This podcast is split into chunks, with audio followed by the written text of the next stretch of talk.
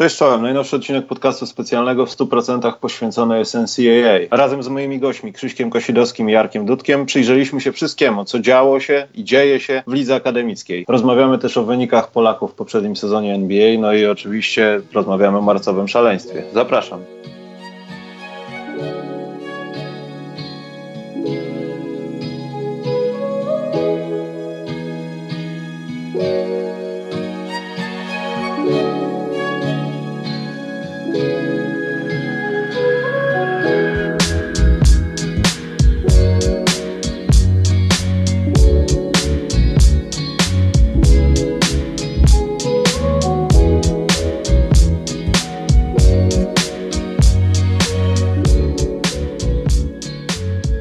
Panowie, zebraliśmy się w tym przepięknym podcaście, żeby porozmawiać o NCAA i o tego typu rzeczach. Wiem, że Krzysiek nie będzie na przykład chciał gadać o sprawach NBA, ale ja wyciągnę z was wszystko, co też dotyczy NBA, bo może ta wasza wiedza się przyda. Witam cię Krzysztof, witam cię Arek. Cześć. Hej. Słuchajcie, ja chciałem najpierw porozmawiać, bo ja mam taki też pomysł, czy może coś się zmieniło w koszykówce NCAA, czy wy to odbieracie jakoś sportowo, bo chciałem zagaić na temat tego, no nazwijmy to sezonu regularnego, no tego wszystkiego, co się działo przed turniejem. E, czy waszym zdaniem NCAA, ja pomijam temat Zajona i tego, co się tam w Duke dzieje, że oni w zasadzie już sobie są w NBA od roku, już od kiedy przyszli na uczelnię. Natomiast e, czy widzicie jakieś zmiany w grze NCAA, jeśli chodzi nie wiem, o rzuty trzypunktowe, czy gra jakoś się zmieniła, czy bardziej mogła przyspieszyć, bo w NCAA zawsze była w miarę szybka.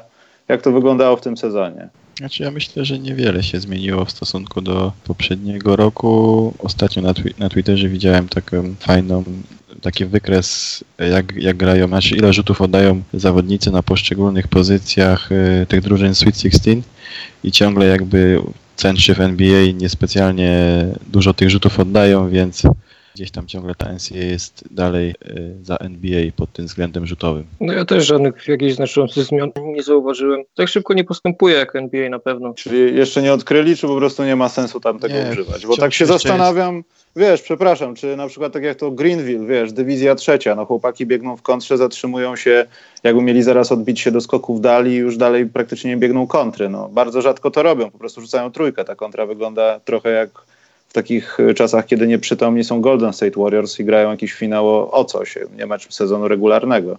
I tak się zastanawiam, no skoro ta gra jest na tyle była zawsze szybka, czy, czy może już ktoś nie wpada na taki szalony pomysł, żeby wiesz, popatrzeć na to Greenville i z, zróbmy coś podobnego. No, ci zawodnicy myślę, że daliby radę. Znaczy jest kilka drużyn, które gdzieś tam można powiedzieć stylem gry przypominają to, co widzimy w NBA, ale wciąż za dużo jest moim zdaniem tych trenerów starej daty w NCAA, żeby, żeby ta gra właśnie szła w tym kierunku. E, dobrze, a jeśli chodzi o sam sezon w sobie, to czy Zion zjadł całe przedstawienie, czy też może, może tylko momenty, kiedy Zionowi, no mówię o Duke kolokwialnie, ktoś się chciał przeciwstawić, czy w tym sezonie działy się jakieś jeszcze ciekawe rzeczy, takie ciekawe, ciekawe, które można porównać do tego całego hype'u, który jest wokół tej drużyny? Mieliśmy Jamoranta cały sezon, no ale teraz został odkryty powiedzmy przez ten turniej Ale właśnie, on był odpalony no taki cały sezon, tak, czy on w tym sezonie tak początku. się odpalił? Nie, od początku tego sezonu tak, takie rzeczy robi. Zaludki. To chyba taka sytuacja podobna jak Trey Young w zeszłym sezonie, co Przychu? Jamorant został też pierwszym koszykarzem w historii, który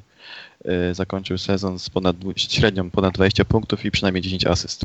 No. Trejowi Youngowi się to nie udało, gdzieś tam 9 z kawałkiem miał tych asyst. No dobrze, a w tym sezonie zdarzyły się też takie drużyny jakieś, które no ewidentnie miały coś osiągnąć. Ja nie mówię o kłopotach ze zdrowiem, bo to zawsze loteria jest w jakichś tam teamach, które mają jedną, dwie osoby i opierają na nich grę, ale czy są powiedzmy drużyny, które powinny być w turnieju, a nie były, no bo wiadomo, turniej jest rezultatem tego, co się grało przez no, tą większą część sezonu. Na dobrą sprawę to jakoś nie było chyba takich tam, takich dużych rozczarowań. Można powiedzieć, że West Virginia gdzieś tam na początku sezonu miała dużo większe notowania, przed sezonem gdzieś tam byli w top 25, a zabrakło ich w turnieju NCAA, ale to już, że tak powiem, po pierwszych dwóch, trzech tygodniach y, się wyjaśniło, że oni nie będą się liczyli w tej grze. Ja mam takie pytanie, Krzysztof. Jak w końcu bardzo ten wskaźnik net oddziaływał na wybór drużyn do, do turnieju? Czytając różne tam jakieś analizy mądrzejszych ode mnie ludzi, no to niespecjalnie y, można było zauważyć gdzieś tam wpływ tego y, wskaźnika net na, na późniejsze wybory. Mhm. Czyli gdzieś to tam był, był pewnie jako tam jeden z wielu tych punktów, czy tam rankingów, które są brane pod uwagę przy, przy wyborze mhm. drużyn, ale nie był to ani jakiś kluczowy, ani decydujący, żeby, żeby tylko na nim się skupić. Czyli właściwie nie zmienił nic i ni, ni, nic nie dał. Może dał to, że ten wskaźnik RPI nie był tak brany pod uwagę, który, uh-huh. tam, który bardziej zakłamywał, można powiedzieć, te pozycje poszczególnych drużyn, a ten net jednak był taki zbliżony do tego wiarygodniejszego, można powiedzieć, obrazu. Krzysztof, ja wam przerwę wasze mambo jumbo, ale y, czy to jest coś nowego, co się teraz pojawiło, to o czym mówisz? Mówicie? Tak, tak. A możesz tak w skrócie, żeby ludzie, którzy nie znają matematyki, y, zrozumieli o co chodzi? W skrócie NCA zmieniło swój jakby główny podstawowy e, wskaźnik do oceniania drużyn. RPI brał pod uwagę tylko jakby terminarz plus bilans. Net bierze jeszcze pod uwagę efektywność ataku w obronie i tam jaką różnicą punktów się wygrało, czy tam przegrało też jest brane pod uwagę i tam jeszcze parę innych wskaźników, przez co jest taki bardziej, można powiedzieć, miarodajny, jak mówiłem. Bardzo, bardzo ciekawy wykład, bo ja szczerze mówiąc y, nigdy nie zagłębiałem się w to, na jakiej zasadzie. Znaczy ja rozumiałem, że po pierwsze bilans, po pierwsze to z kimś grałeś, jesteś w jakichś tam dywizjach, grupach i to jakoś się rozstrzyga, ale też szczerze mówiąc nie patrzyłem na to, czy oni starają się to usprawnić, czy to jest jakoś tak dla takiego śmiertelnika, wiesz, pojęte, a nie jakiś wielki algorytm, który ci pokazuje to, to, tamto, tamto, ale i tak czytasz to na koniec, bo ktoś to podliczył. Dlatego to też dla mnie zawsze interesowało, jak to jest dokładnie, a że jest zmiana, to jakoś ominęło mnie, szczerze mówiąc. Nie słuchałeś akademickich rozmów. Słuchałem rzadko w zasadzie, ale to i tak jest za trudna wiedza, bo wy znacie taką ilość tych zawodników, że to jest szokujące. Do, do mnie docierają jacyś tacy, ja wiem, że ja mam serduszko, na przykład takofol, no to ja to wiem. Moje kochane serduszko, ale z drugiej strony, no ciężko się oszukiwać, wiesz, jak jest NBA, są inne rozgrywki, jeszcze dojdzie ci NCAA, mhm. a mhm. chcesz to oglądać, bo skupisz się na jednej drużynie, to, to jest masakra, no. Ta pierwsza dywizja to już jest ciężka, jak ktoś ogląda wszystkie, wszystkie naraz, to ja współczuję takim ludziom, to poza tym, no podziwiam, no wiesz, te, te zespoły zmieniają się, zawsze jak rozmawiam z ludźmi, którzy znają się na rzeczy w NCAA, to podziw, jak dużo jest tych ekip i duża jest stosunkowo rotacja. Teraz jest jeszcze szybsza, no bo co najlepsze, no to jeden rok i do widzenia. Tak jak nie pamiętam, kto to powiedział ostatnio, chyba za Klawin, że on nie pamięta kompletnie, nie jest w stanie nic ciekawego powiedzieć na temat y, w ogóle March Madness, NCAA, bo on tam był kilka miesięcy i to tak po prostu śmignęło mu przez życie. To ostatnio też Charles Barkley tam y, w studiu przy okazji któregoś z meczów tam pytał chyba kogo, kogo Tennessee pokonało, bo tam w ogóle nie kojarzył. No, ale Charles Barkley cokolwiek kojarzy, jak jest w prime, to może coś tam, wiesz, coś tam powie, ale tak to ja bym też nie, nie, nie odbierał go jako takiego guru. Wiesz, na przykład do mnie docierają z NCAA takie rzeczy, jak na przykład Virginia Tech zagrała, już nie pamiętam z kimś i sami zdobyli niecałe 50 punktów, a przeciwnik utrzymał się na 24, 25, z pamięci mówię. I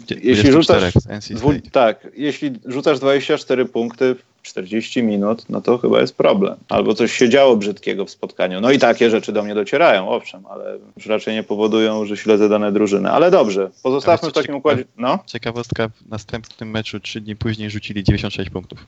Ale dlaczego rzucili 24? Tam był dobry defense, czy po prostu cegielnia? Myślę, że jedno i drugie się złożyło.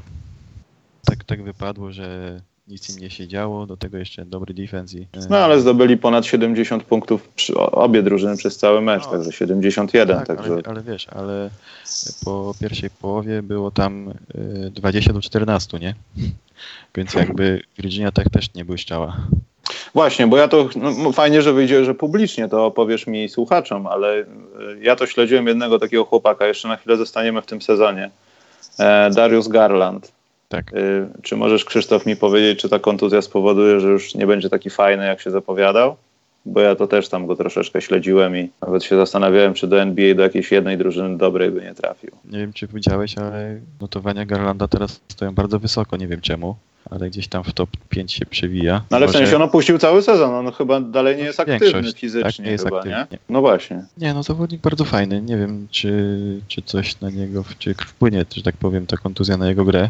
Aż tak dokładnie nie miałem możliwości mu się przyjrzeć, bo w sumie po czterech meczach wypadł, więc. Mm. Ale w tych meczach, co grał, no to naprawdę gdzieś tam prezentował się bardzo fajnie, niezłym rzutem za trzy, także ja czekam. Mam nadzieję, że, że wróci, znaczy pojawi się i, i zacznie dobrze grać w NBA. A jest jakiś, e, to może od Arka zaczniemy teraz, jakiś gracz, który nie, jego drużyna nie zakwalifikowała się, bo nie chcę brzydko powiedzieć, ale była do bani powiedzmy, albo miała trudności, który y, was jakoś specjalnie, kto was tak specjalnie jakoś zaskoczył, w sensie, ale nie gra w, y, no, w marcowym szaleństwie, nazwijmy to tak. Mm, Ja chyba nie mam takiego gracza. Krzysztof, ma, jest taki gracz, czy wszyscy fajni tam grają? No, a czy w tym roku tak się złożyło, że prawie cała czołówka draftu gra. No tam Romeo Langford nie gra, ale nie wiem jak teraz jego stoją notowania. Moim Chyba wypadł poza loterię. jakoś tak ten jego sezon nie przekonywał. No i jeszcze jest, przecież nie wiem czy on się na boisku pojawił czy nie w Oregon, ale on w sumie trafił do turnieju. Kevin Porter też miał taki sezon z przebłyskami, gdzieś tam na początku sezonu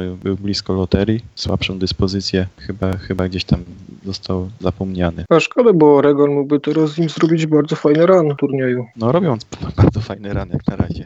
No ale z nim to pewnie jeszcze lepszy może byłby. Już w takim układzie, skoro tak się wyrywacie do tego turnieju, to opowiedzcie mi i wszystkim, co ciekawego działo się. Może najpierw od tych pierwszych, no nie wiem, czy można nazwać pierwsze, bo te mecze eliminacyjne chyba tam jakieś te wcześniejsze nie niosły ze sobą jakiejś fali przepięknych spotkań, ale te wstępne rundy nazwijmy to. Co tam się wydarzyło ciekawego? Jakieś może rzeczy takie, które was zaskoczyły na plus, na minus? Na pewno były jakieś upsety, to mnie nie oszukacie, że nie było. Upset, no to upset to, to, to już wspominaliśmy, Jamoranta i State pokonujący z Market, tak, dobrze, 20 punktami, robiący Jamoranta, robiący triple-double, to była fajna historia. Szkoda, że już niestety nie ma Murray State w turnieju. Tak mój plus chyba największy. No i dziesiąte seedy, które mi całkiem rozwaliły bracket. Chyba wszystkie dziesiąte seedy, nie, trzy dziesiąte seedy wygrały swoje mecze. Też chyba takie wyjątkowe. No zwłaszcza ta wygrana Florydy nad Nevadą. O właśnie, no ta Nevada, kurczę, też upset, ale to był dom na minus, bo kibicowałem Nevadzie w tym sezonie bardzo. No jakieś takie personalne sprawy, no bo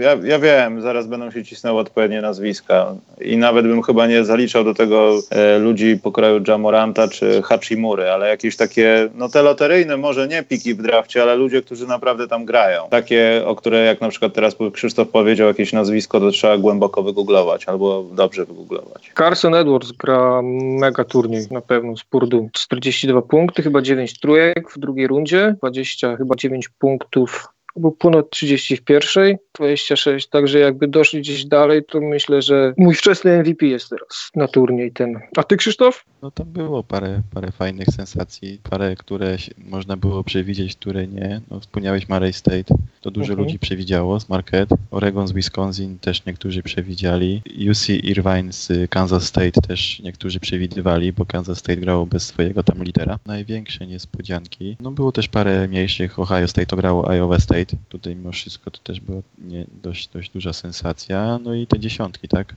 No, zwycięstwo Florydy nad Nevadą, która przecież e, miała tutaj powalczyć o tytuł, e, moim zdaniem to jest, jest ogromną niespodzianką. E, Nevada ogólnie, mimo że zaliczyła tylko cztery porażki, to dla mnie, dla mnie w tym sezonie rozczarowała, bo, bo nie zdominowali tak swojej konferencji jak powinni, tak jak Gonzaga zdominowała swoją konferencję. No i co, ja opakuję Belmont, że przegrali z Maryland nieznacznie, bo tam dwoma punktami. Dylan Wi- Win- Windler w tym meczu zrobił wszystko, bo zdobył 35 punktów, 11 zbiórek. Można powiedzieć jeden z lepszych występów, albo może nawet najlepszy występ, nie drugi najlepszy, bo, bo zaraz powiem jaki był najlepszy. Drugi najlepszy występ y, zawodnika, który z przegranej drużyny, można powiedzieć. A tak to moim na tę chwilę MVP jest y, Jared Culver z Texas Tech. W pierwszym A. meczu 29 punktów, 8 zbiórek, 7 asyst. W drugim meczu 16 punktów, 10 zbiórek, 5 asyst. No i świetnie. Ale on, przepraszam, głęboko gdzieś był w tych mokach. On wcześniej, no, w tych ostatnich jest y, no, naprawdę wysoko. To on chyba, nie wiem, zaczął grać ponad stan, czy co się stało? Tak. No bo on nie był chyba nawet w 20 z tego, co pamiętam, przez jakiś czas spory. No, Ale nie chcę kłamać, bo nie, nie prowadzę zapisek, ale zapisków. Natomiast wydaje mi się, że był głęboko dosyć w tych mokach wszystkich. On chyba teraz w loterii nawet jest dość blisko, albo nawet No. w samej loterii. Widziałem, słuchaj, jeden mock, gdzie Chicago, nie pamiętam, no chyba Draft Express czy DraftNet y, na czwartym miejscu do Chicago. Mm. Także ktoś już poleciał grubo, no, na podstawie pewnie ostatniego meczu, no bo myślę, że tam też y, grę bierze matematyka, natomiast straszny wyskok i dlatego pytam, co się dzieje, o co chodzi. On w zeszłym sezonie grał za plecami Kinona Evansa i jak można powiedzieć, że wtedy był freshmanem i wskoczył jakby na jego miejsce, na pozycję lidera, no i zawodnika, który gdzieś tam, można powiedzieć, pełnił drugą planową rolę, wszedł, wszedł, wszedł rolę lidera i spisuje się świetnie. W sumie może Jamoran też w tym sezonie gdzieś tam nie błyszczał, dopiero w tym roku miał pory przeskok, więc to taki drugi zawodnik moim zdaniem gdzieś tam, który skorzystał na tym jednym roku, czy na tych dwóch latach teraz w NCAA, bo, bo i Jamorant i Jared Culver w zeszłym roku byli praktycznie graczami anonimowymi, teraz są gdzieś tam w loterii czy tam nawet w top 10 draftu. A w ogóle godzisz się, że ten, ten turniej jest taki mało fitujący w niespodzianki? No jest mało fitujący niespodzianki, bo nie było tak naprawdę takiej, takiej wielkiej bomby, żeby gdzieś tam no właśnie. dwójka czy trójka nawet przegrała, no nie mówiąc o jedynce. No, Takie U, US, U, UMBC, tak? Mogę tak. przekręcić. Tak, UMBC, czy tam, tak. Czy tam Loyola Chicago. Co ciekawe, w 2009 roku była podobna sytuacja, że w Sweet 16 było tyle samo takich samych drużyn z tym samym seedem, czyli 4 jedynki, cztery dwójki, cztery trójki, dwie czwórki, jedna piątka, jedna dwunastka.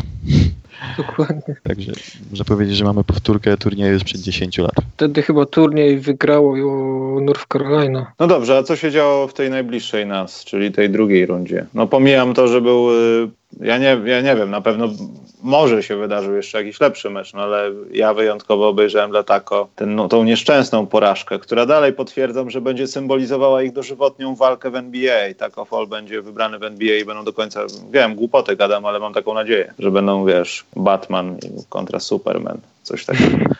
E, nie, ale w tej drugiej rundzie coś się wydarzyło takiego może, może bardziej ciekawego niż w pierwszej, czy to, czy to jest po prostu to, co powiedzieliście, całokształt tych pierwszych dwóch rund, nazwijmy to, że no nie zaskoczyło nic ani tu, ani tu. Y, nie zaskoczyło, to prawda, ale to nie tak, że, że tam się nic nie działo, nie? No bo na, nawet Duke gdzieś tam do przerwy z North Dakota State y, było blisko remisu. Tennessee bodajże przegrywało w pierwszej rundzie z Colgate do, do przerwy. Y, Virginia chyba Virginia nawet już w pewnym momencie pierwszej połowy przegrywała chyba 14 czy 16 punktami, mhm. gdzie tyloma punktami nie przegrywali z nikim w tym sezonie jeszcze. Także gdzieś emocje były, działo się, ale ostateczne rozstrzygnięcia można powiedzieć, że, że nie było spektakularnych. No, w drugiej rundzie mamy ten wspomniany mecz Duke z UFC z Central Floridą, który oglądałeś go i to też był prawdopodobnie najlepszy mecz tego turnieju jak na razie. Tam przecież Aubrey Dawkins zagrał mecz życia na 33 punkty, czy tam 32. Chłopak zrobił wszystko, ale gdzieś tam tego jednego, czy tam dwóch rzutów zabrakło. E, mieliśmy taki niepozorny mecz Tennessee z Iowa, gdzie Tennessee już przegrywało, prowadziło 25 punktami. W końcu mecz się skończył dopiero po dogrywce, Iowa odrobiła całą stratę. Mieliśmy ciekawy mecz Wofford z Kentucky. Kentucky osłabione brakiem PJ Washingtona, swojego, można powiedzieć, kluczowego zawodnika. Strasznie się męczyło z Wofford, które też jest, było bardzo fajną drużyną.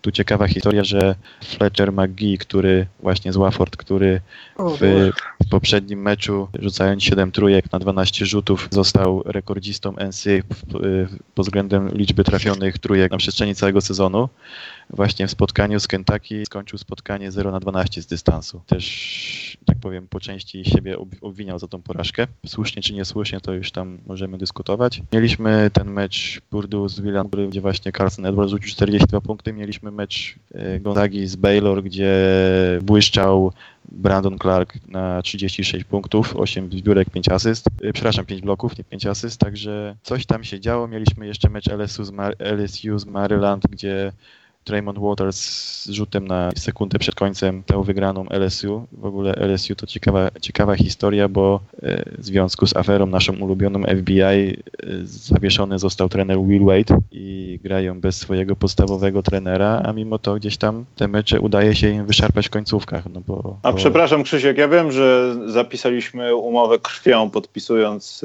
e, umowę przed tym podcastem dotyczącą nieporuszania tego tematu, ale rozumiem, że te jakieś tam aresztowania małe małe, czy tam stawienia się przed sądem nie załatwiają sprawy. Tam tak naprawdę nic się nie stało, czy, znaczy, czy coś, czy coś o... wielkiego się stało? Wiesz, że w przyszłym sezonie to już będą buty NCAA, a nie markowe firm, bo już tak się wkurzyli. Jeszcze jest za wcześnie, bo sprawy trwają. Gdzieś tam pod koniec kwietnia będą kolejne przesłuchania, na które między innymi właśnie dostał zaproszenie Will Wade, czy tam wezwanie to lepsze słowo, bo jeśli chodzi o niego, no to jest takie, już jest gruba sprawa, bo są nagrania, na których Will Wade omawia z Christianem Dawkinsem właśnie y, płatności dla dla tam zawodnika Javona Smarta i porównuje do tam wcześniejszych jakichś tam dealów, które robił, więc to już jest takie, o ile u Billa Selfa gdzieś tam były takie, takie SMS-y, gdzie jeden z przedstawicieli Adidasa pisał, że, że mu pomoże tam za wszelką cenę, ale nie było napisane bezpośrednio, czy tam powiedziane w jaki sposób pomoże, tak tutaj ewidentnie jest omawiana forma płatności dla gracza, gdzie jest nagrany właśnie trener NCAA. Rozumiem. Dobrze, nie ciągnąc tego tematu, co nas czeka teraz? Bo tak mniej więcej no, mówicie, że nie ma żadnych specjalnych zaskoczeń.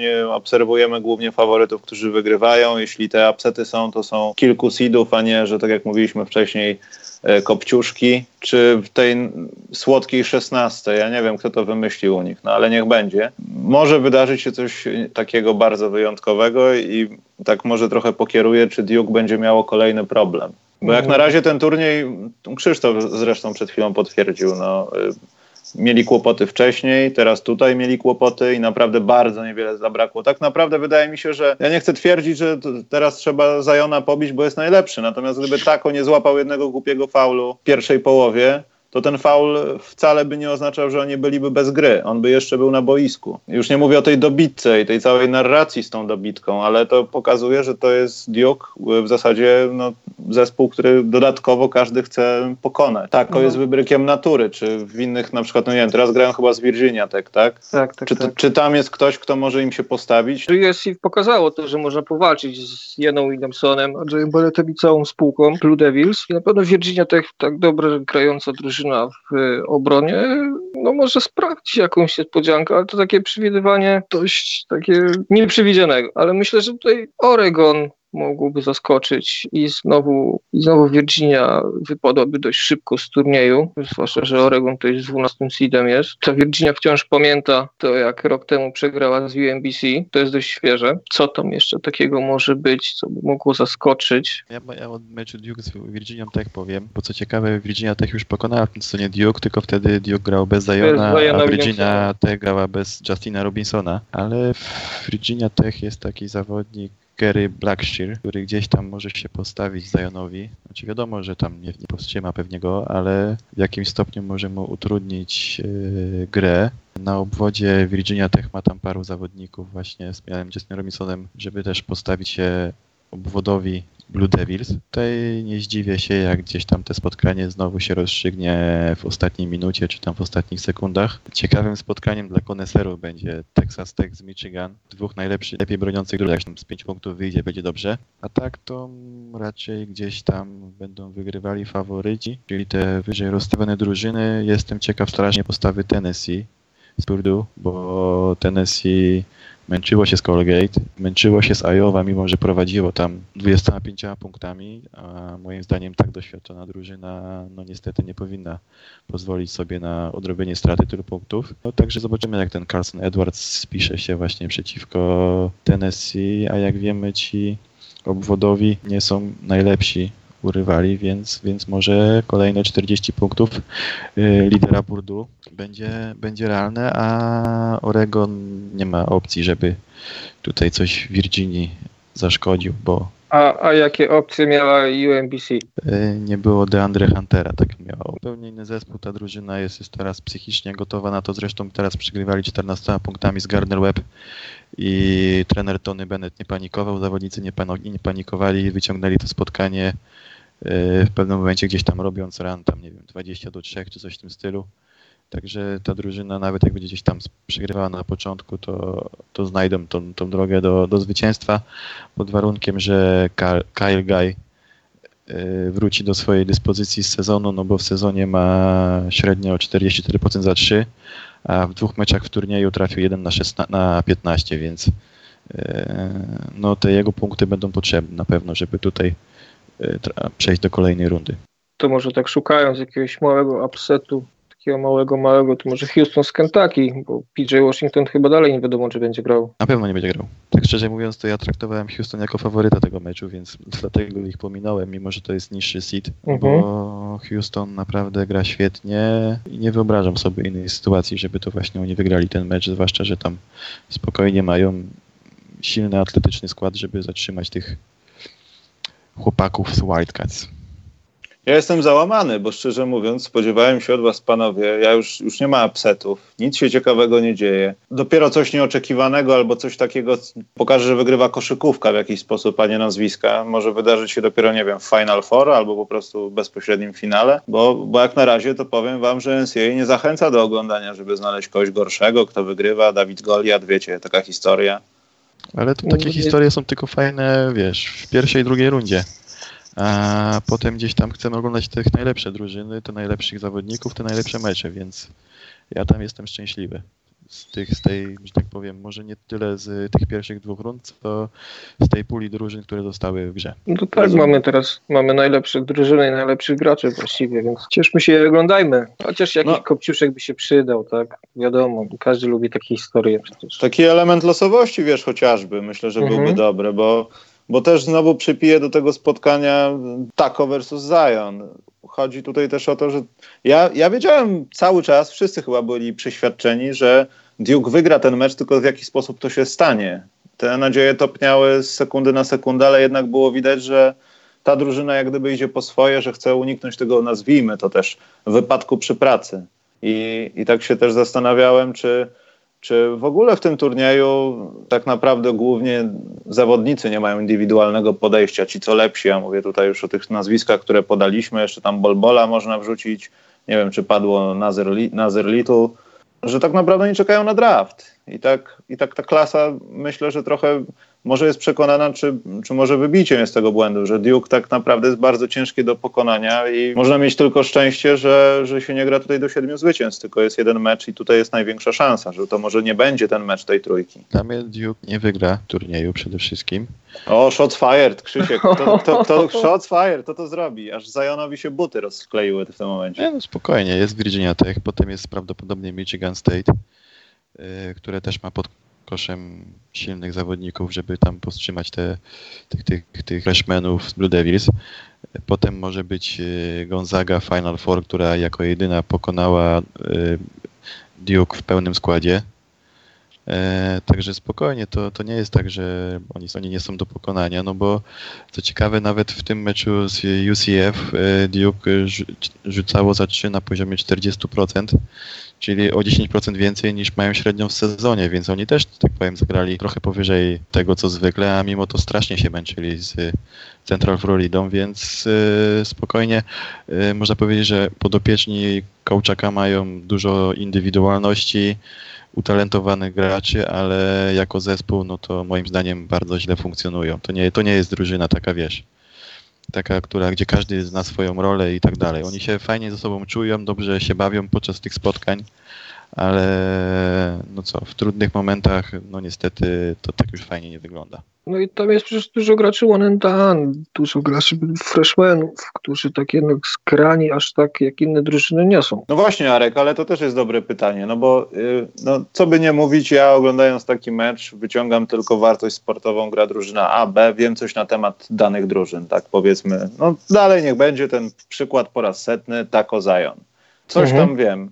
Natomiast y, kiedy obserwujesz, no, obserwujecie te spotkania Duke w takiej skali, że no, obejrzeliście ich 20, to czy nie widać tego, bo ja to odebrałem po spotkaniach, które mi się zdarzyło oglądać i to było chyba podczas tego turnieju na Hawajach, kiedy z Gonzagą Duke grało, tak? Tak. Było, było coś takiego. Mhm. To były tak, straszne tak, chwile Duke. I w takich spotkaniach, ja przynajmniej, ja widziałem raptem może 5-6, e, odnoszę wrażenie, że wszystko jest w tym talencie. Reddish, Barrett, Zion to jest mhm. świetlana przyszłość i dar boski dla NBA nawet, jeśli dobrze pójdzie i w ogóle dla koszykówki samej w sobie, bo może skończy się to piekielne przekonanie, że trzeba rzucać za trzy punkty i będą tacy ludzie i będą kontr ludzie. Wszystko jedno. Gdyby nie było tak dobrego trenera, to oni by nie osiągali takich wyników, bo w takich ciężkich spotkaniach widać, że to jest przewaga tego sterowania i ciągnięcia za sznurki podczas spotkań. I to bardzo często widać po Zajonie, kiedy on od razu nie atakuje, bo wie, że może, bo w liceum to przechodziło, tylko odda piłkę.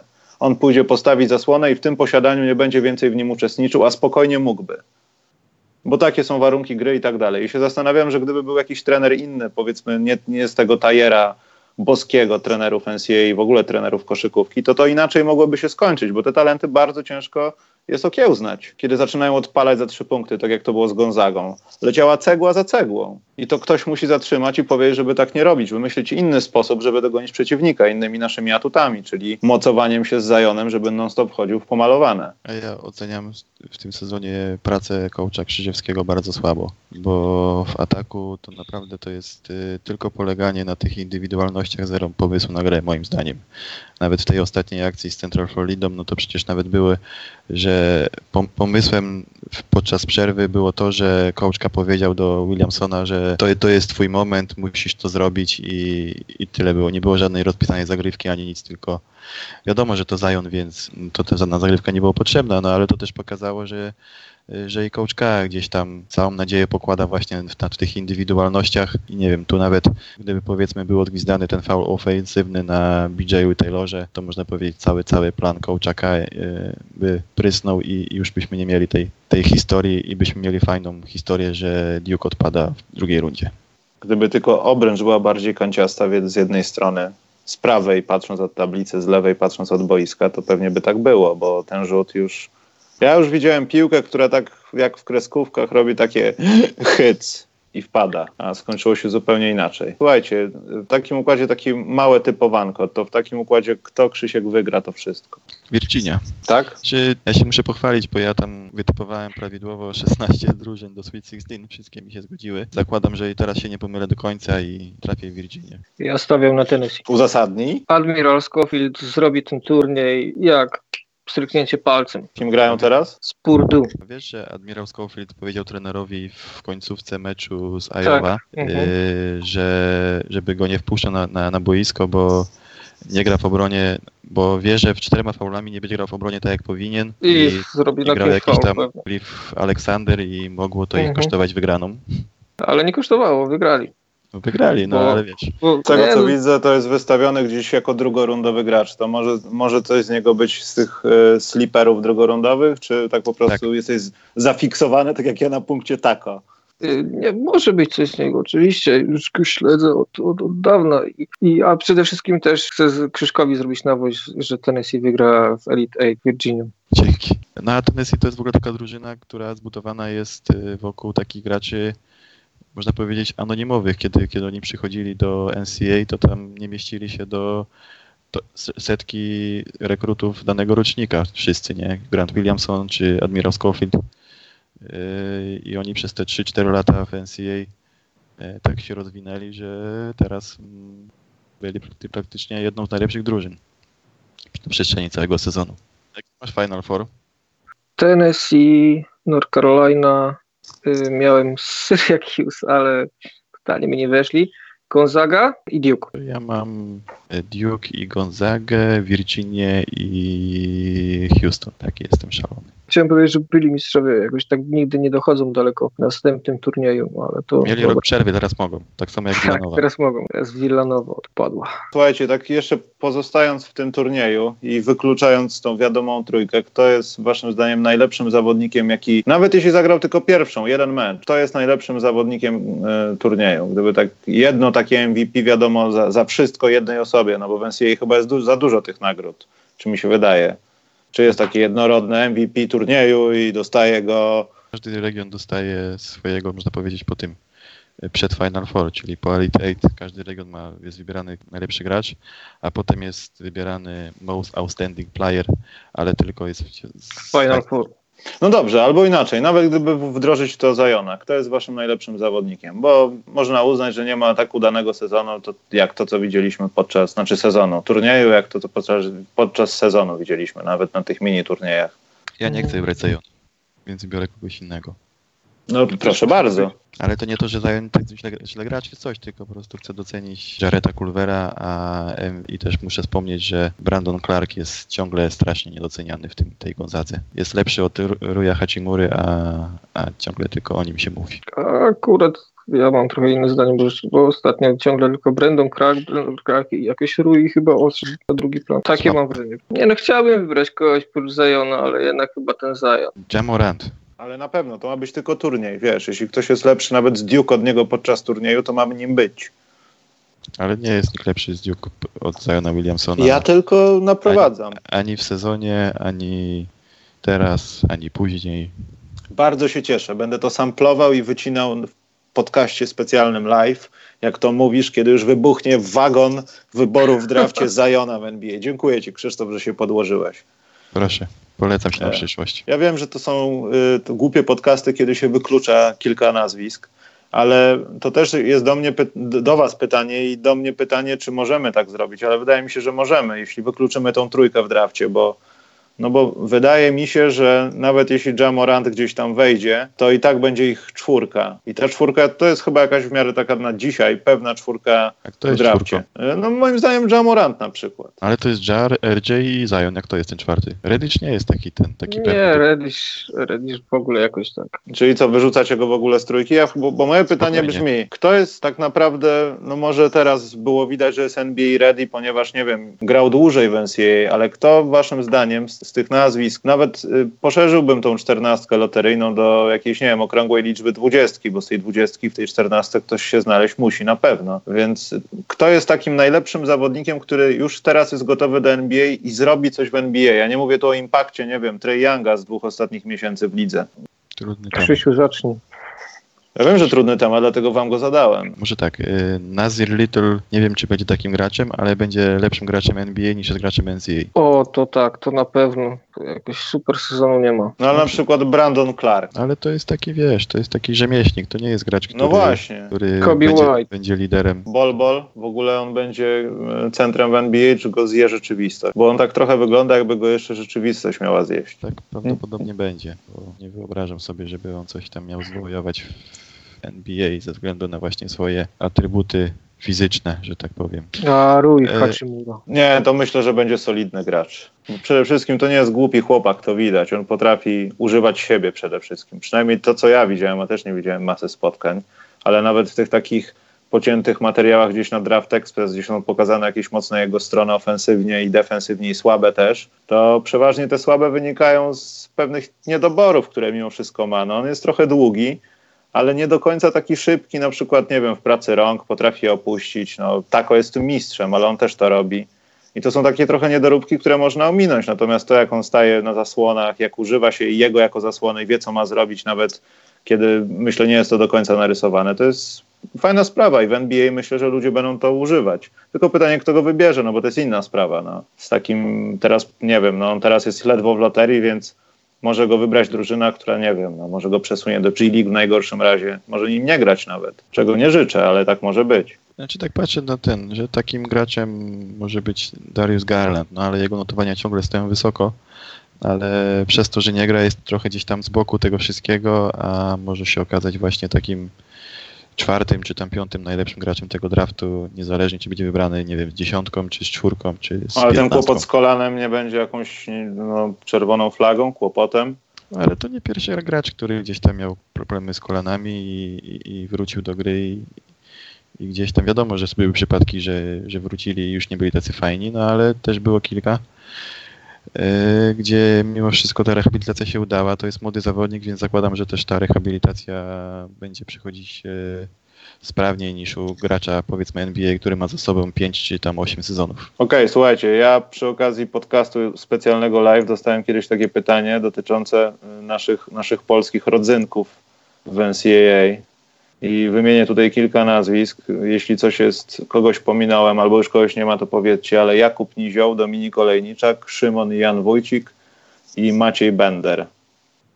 Komu najlepiej szło w tym sezonie? Kto, kto zrobił jakiś super postęp? Czy mamy już jakąś młodą gwiazdę małej dywizji gdzieś? Co się dzieje, chłopaki, z nimi? kto miał najlepszy sezon, no to statystycznie pewnie Kuba Nizioł, e, no bo on w Karpole dostawał regularne minuty, czasem gdzieś tam lepiej się spisywał, czasem gorzej, ale tak jak mówię, no statystycznie miał najlepiej.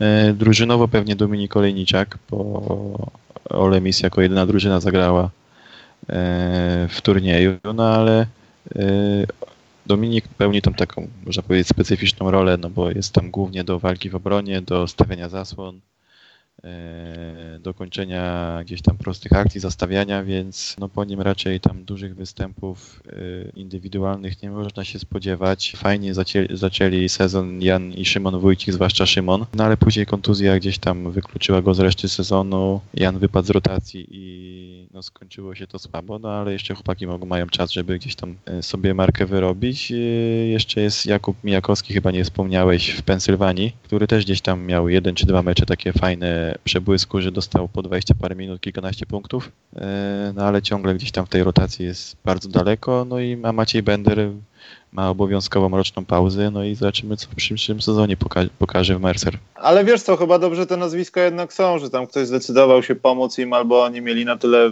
nie wiem, okazji, szans albo uporu, żeby się tam znaleźć, no i wykorzystywać swoje szanse, no bo no umówmy się, no, czy te wszystkie uczelnie, na których są ci wspomnieni ludzie, chłopaki, to w jakiś sposób, no nie wiem, pomagają w drodze, żeby stać się y, euroligowym chociażby zawodnikiem, no bo NBA chyba nie mamy mowy jak na razie. NBA jeszcze nie, no ale myślę, że spokojnie e, gdzieś tam przez Missouri State, mówię o braciach Wójcik, e, oni jeszcze mają czas, żeby e, o, o tą Euroligę powalczyć. No Maciek Bender teraz ma, będzie miał ten kluczowy sezon, że tak powiem, on już nie wiem jak tutaj, czy Euroliga, czy jakiś tam poważny klub europejski, ale żeby właśnie gdzieś tam zaistnieć później w profesjonalnej koszykówce, no to teraz musi w tym swoim sezonie naprawdę być jednym z kluczowych postaci drużyny. Nie wiem w jakiej jest formie, no bo niestety go nie oglądaliśmy. E, no a reszta chłopaków, no to też wydaje mi się, że to tam niekoniecznie też byli tacy zawodnicy, którzy idąc do NCAA byli traktowani jako tam prospekty na, na miarę NBA czy Euroligi. Ale ja chciałbym tylko dodać, że mi się Kuba Nizioł zawsze podobał w grze i fajnie by było, jakby trafił po, po NCAA do jakiejś fajnej europejskiej drużyny. Byle nie Pelka. A czy są może jakieś informacje na temat tego, kto mógłby się znaleźć w NCAA? Wiecie coś na temat jakichś rozmów osób, czy to za wcześnie w ogóle, żeby, żeby nawet wiedzieć, kto na przyszły sezon tam się zapisał? Znaczy nie jest za wcześnie, ale w przypadku polskich graczy to tak nie jest, wiesz, to nie jest, to, oni nie są gdzieś tam w top 10, to się o nich tak nie mówi, ale Przemek Gołek chyba teraz idzie do NCAA z tego co No kojarzę. właśnie chciałem o nim wspomnieć. Co się z nim dzieje? On przecież przesiedział trochę w USA. Nie wiem, czy tam w re regionie, czy jak to się nazywa, jednym tam z y, lepszych zawodników, nie tylko swojej drużyny, więc on oferty z pierwszej dywizji ma, a jaką wybierze za wcześnie, teraz będzie pewnie tą decyzję podejmował. Też nie wiem, co na przykład z Filipem Siebrukiem, bo on chyba powoli wchodzi w ten wiek, kiedy mógłby ten commit, mówiąc po angielsku, zrobić. Nie wiem, jakie są tam plany. Ja życzę jak No, najlepiej. w Barcelonie tak. jest ekstra. Barcelona. Tak, ale może wiesz, nie ma, nie wiem, ile trzeba mieć lat, żeby przynajmniej się zgodzić tak słownie. To nie ma ograniczenia wiekowego. Aha, czyli, czyli nie musisz być rok przed sez- sezon, Nie, musi się tam- zakończyć. Może, Rozumiem. może być freshmanem w szkole średniej i już tam słownie coś obiecać, bo to nie jest, to nie jest wiesz, w żaden sposób. Natomiast e, słuchajcie, jeśli chodzi o Przemka Gołka, no to ja też nie chcę rzucać jakiegoś e, naszego hypu, nie chcę też używać złych porównań, ale no, widziałem kilka razy chłopaka, to może być nasz polski Zion. Ten chłopak może mieć naprawdę najbliżej do NBA, jeśli to nawet oznacza podpisanie kontraktu kiedy zgłosi się do draftu, nikt go nie wybierze z, z dwóch rundach. I tak mi się wydaje, jeśli ktoś z nim będzie odpowiednio pracował, naprawdę na swojej pozycji jest w stanie konkurować, bo jest strasznie atletyczny. Przemek jest właśnie takim zawodnikiem, jest super atletyczny i naprawdę to, to może być nasz największy talent, jeśli chodzi o tych chłopaków, którzy powiedzmy są, nie wiem, po Przemku Karnowskim, powiedzmy, no, jeśli chodzi o kadencję w NCAA. Okej, okay, mam jedno takie pytanie, Krzysiu, bo ja się interesowałem takim zawodnikiem pewnym z Alaski. Nazywa się Kamaka Hepa. On może, on może bardzo słabo grać, ale ja chciałem się dowiedzieć, co się z nim dzieje, Krzysiu. To, to musisz użyć e, pewnej strony. Ja wiem, ja jej używałem, ale czy widziałeś go może? Czy jesteś w stanie coś powiedzieć? Czy nie za specjalnie? Nie za specjalnie. Dlaczego? Nie interesuje cię zawodnik z Alaski? Carlos Buzer. Nie ma wiedziałem, nie wspólnego z wiedziałem że jest z Alaski. Nie, e, tak naprawdę widziałem go przez przypadek, ponieważ chyba na Vice Sports pojawił się dokument na temat dziwnych miejsc, gdzie się uprawia sport. No i była pokazana Alaska gdzieś, e, ale tak naprawdę Alaska, Alaska, że zamieć to jest ładna pogoda. I jest taka hala zrobiona ala namiot i tam nie był wyróżniającym się zawodnikiem. E, ogólnie jego cała rodzina to też tam należy do jakiejś tam społeczności lokalnej, żyjącej tam bardzo długo. Także wiecie, polowania, skóry, foki, te sprawy. No, to ja wam Możesz- będę dużo Możesz opowiadał. sobie obejrzeć jego mecz, bo właśnie sobie sprawdziłem z lutego z Baylor. 39 minut grał. 11 punktów, 3 na 3 za 3. Najlepszy mecz w karierze jak na razie. Właśnie teraz y, doczytałem, że jego etniczne pochodzenie to jest Hawajów, Filipin i Eskimosów. Nie wiem, znaczy na razie nie miał pewnie okazji do pokazania się, no bo tam Jackson Hayes e, gdzieś tam zabierał mu te minuty, a jeszcze tam Jericho Sims był. Póki oni będą w drużynie, to raczej minut nie dostanie za dużo. ale może w przyszłym sezonie już Hayes pójdzie do NBA, a że jest głosi, bo tam pewnie nie, niewiele z tego wyjdzie i to miejsce dla niego się zwolni. W takim układzie będziemy powoli kończyć, natomiast mam ostatnie pytanie. Ja wiem, że ono jest dla Was nagminne, jeśli ktoś Was pyta. Jarek zaczyna teraz i mówi co najmniej 25 minut. Eee, Krzysiek zrobił sam sobie podcast dzisiaj, ale bardzo dobrze, bardzo dobrze. To jest ale... młody z NCAA. Bardzo dobrze. Eee, pytanie jest e, takie. Krzysiek to mi zabronił to pytanie w zasadzie zadawać, ale mam to gdzieś. Eee, oceniając tą klasę draftu, czy jesteśmy w stanie wysnuć, może co roku jesteśmy w stanie wysnuć, ale czy możemy doszukiwać się tutaj wyjątkowej grupy zawodników, która dołączy do NBA i, i to się nie skończy na trzech nazwiskach za trzy lata, bo wszyscy są gdzieś w Chinach albo w Europie, czy naprawdę tam się dzieją rzeczy, jeśli chodzi o talent, jeśli chodzi o przyszłość takich, już pomijając Zajona. Nie, ja mam takie wrażenie, że ostatnie drafty i tak były dość mocno napchane y, talentem i ten chyba nie będzie tak odbiegał od tych ostatnich draftów. Mamy na przykład o Kobe Łacie wspominałem. Mamy Deandre Huntera, top 10 prawdopodobnie pójdzie. Romeo Langforda mamy, który też może dużo podziałać. Jareta Culvera. Także tam poza, poza tym top 3 z Ionem, Morantą i Barrettem, coś tam może się jeszcze dziać dobrego. Tam powiedzmy, że z pięciu zawodników może coś tam zaistnieje, że tak powiem, na, na dłuższą metę, ale to nie będzie klasa, która, że tak powiem, będzie za 5 czy tam 10 lat y, rządziła w NBA. Jakieś pewnie gdzieś tam pojedyncze przypadki graczy może się trafią nawet poza loterem zawodnika, który będzie kluczowym graczem NBA, ale jest zawsze jest tych kilku zawodników, którzy stanowią o, o sile swoich drużyn, a potem już jest różnie. No nie, nie pamiętam, żeby poza tą właśnie bronową klasą gdzieś tam była taka faktycznie druga mocna. Dobrze, to dziękuję Wam za kącik wiedzy dotyczący NCAA.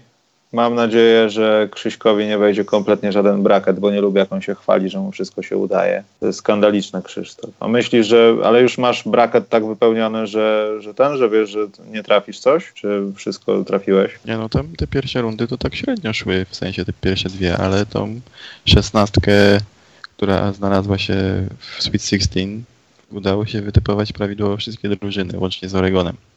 Kurde. To możesz mieć rację przez następne rundy, mówisz? Tak zakładam, ale pewnie nie będę miał. Dlatego jeśli chcecie posłać Krzyśka, możecie się udać do punktów bukmacherskich. Może chłopak ma rację, może jest teraz w serii. Bardzo Ci Krzysztof dziękuję za podcast dzisiaj. Dziękuję również. I był z nami też pozornie nie odzywający się Arek, ale po prostu Krzysztof zabrał mikrofon wszystkim. Krzysztof jak twój bra... Krzysztof Jarzyna ze Szczecina, a powiedz jak twój braket? Mój braket fatalnie. Strasznie słabo. Tak e, historycznie Chociaż... słabo, czy jak zwykle słabo? Bo ja się zastanawiam, nie. dlaczego wy dalej stawiacie te brakety, bo już mi, ja już mi się to już dawno znudziło, bo wiedziałem, że nie trafię tego. Po pierwsze, ja się powiem... na tym nie znam, a poza tym czasami no to nie da się przewidzieć niektórych rzeczy. Ja powiem tak, najlepszy braket, jaki wypełniłem, to był yy, chyba mój pierwszy braket, jak jeszcze się tak za bardzo NCAA nie interesowałem. I chyba nawet wtedy y, Krzysztof mnie zaprosił, znaczy może nie zaprosił, ale dołączyłem do tego braketu na CBS, College Hoops i chyba to w top 3 byłem i to był mój najlepszy braket, a tak to, to padają jak muchy. Wciągnął cię w to. Mm. Bardzo ci też dziękuję Arek za podcast. Przepraszam za Krzysztofa, no ale wiesz jak to jest. Nie szkodzi, dzięki. Dobra, trzymajcie się, czołem. Cześć. Cześć.